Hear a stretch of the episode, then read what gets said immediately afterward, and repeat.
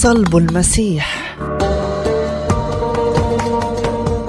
أمر بيلاطس بصلب الرب يسوع بعد أن جلده وحينئذ أخذوا يسوع وصلبوه خارج مدينة أورشليم على قارعة الطريق في مكان يسمى بالعبرانية جلجوثا أي جمجمة وهو بالفعل يشبه الجمجمة.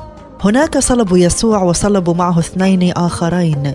كتب بيلاطس عنوانا ووضعه على صليب المسيح يسوع الناصري ملك اليهود. كان هذا العنوان مكتوبا بالعبرانية لغة الدين اليونانية لغة الثقافة في ذلك العصر واللاتينية لغة السياسة والقانون. وكأن بيلاطس أراد أن يعلن لمختلف ثقافات الأرض وحضاراتها أن يسوع الناصري هو ملك اليهود. لكن المسيح كان ملكا من نوع آخر. فهو لم يأت ليؤسس ملكوتا أرضيا لكن جاء ليحرر الإنسان من قبضة الخطية والموت الأبدي معطيا حياة أبدية لكل من قبلوه. لقد اجتاز المسيح في يوم واحد آلاما جسدية ونفسية عديدة. لقد أهين وضرب وبصق على وجهه. احتمل الجلدات القاسية والتي كانت تتسبب في موت الكثيرين كما اجتاز آلام الصلب المبرحة. إلا أن صلب المسيح لم يكن صدفة أو مأساة إنسانية قاساها بسبب اختلافه مع السلطات الدينية في عصره. إن مجيء الرب يسوع لعالمنا وفداءه للبشرية كان مخططا عند الله منذ الأزل. والكتاب المقدس يتنبأ عن ذلك آلاف السنين قبل مجيئه. فداود يتنبأ بالتفصيل عن آلام المسيح وموته في المزمور الثاني والعشرين. ثقبوا يدي ورجلي أحصي كل عظامي. وهم ينظرون ويتفرسون في يقسمون ثيابي بينهم وعلى لباسي يقترعون. ولقد تمت هذه النبوات بالتدقيق في صلب المسيح.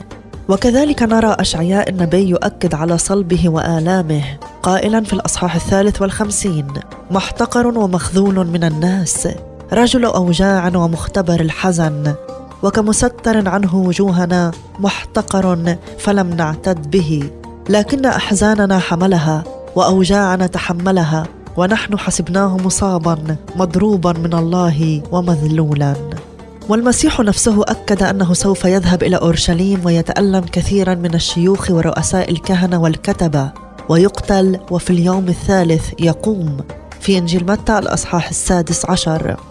نعم لقد قاس المسيح الآلام الجسدية كما تنبأ عن ذلك الأنبياء في العهد القديم. كما اجتاز أيضا الآلام النفسية فهو البار القدوس الذي أخذ كل خطايا البشرية. لقد علق على الخشبة وهو بذلك أخذ لعنة كل البشر. لأنه بحسب شريعة موسى ملعون كل من علق على خشبة. أو كما يذكر إشعياء حسب مضروبا من الله ومذلولا.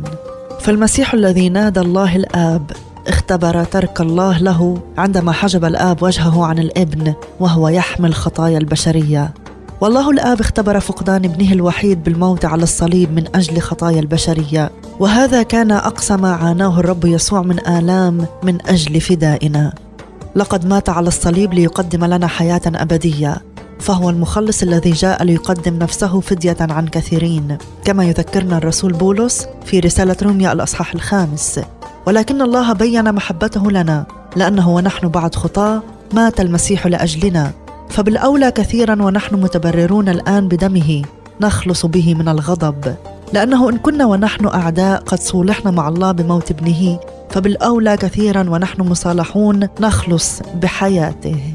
في الصليب تجسد حب الله في موت المسيح البار من أجل الأثمة الخطاة. وأيضا تجسد عدل الله عندما دفع المسيح ثمن الخطية والتعدي بالنيابة عن البشرية. ولذلك تحول الصليب إلى موضع افتخار ومصدر قوة لكل من يقبل عمل الرب يسوع. كما يذكر الرسول بولس وأما من جهتي فحاش لي إلا أن أفتخر بصليب ربنا يسوع المسيح. أصلي أن تكون هذه الحلقة بركة لحياتك.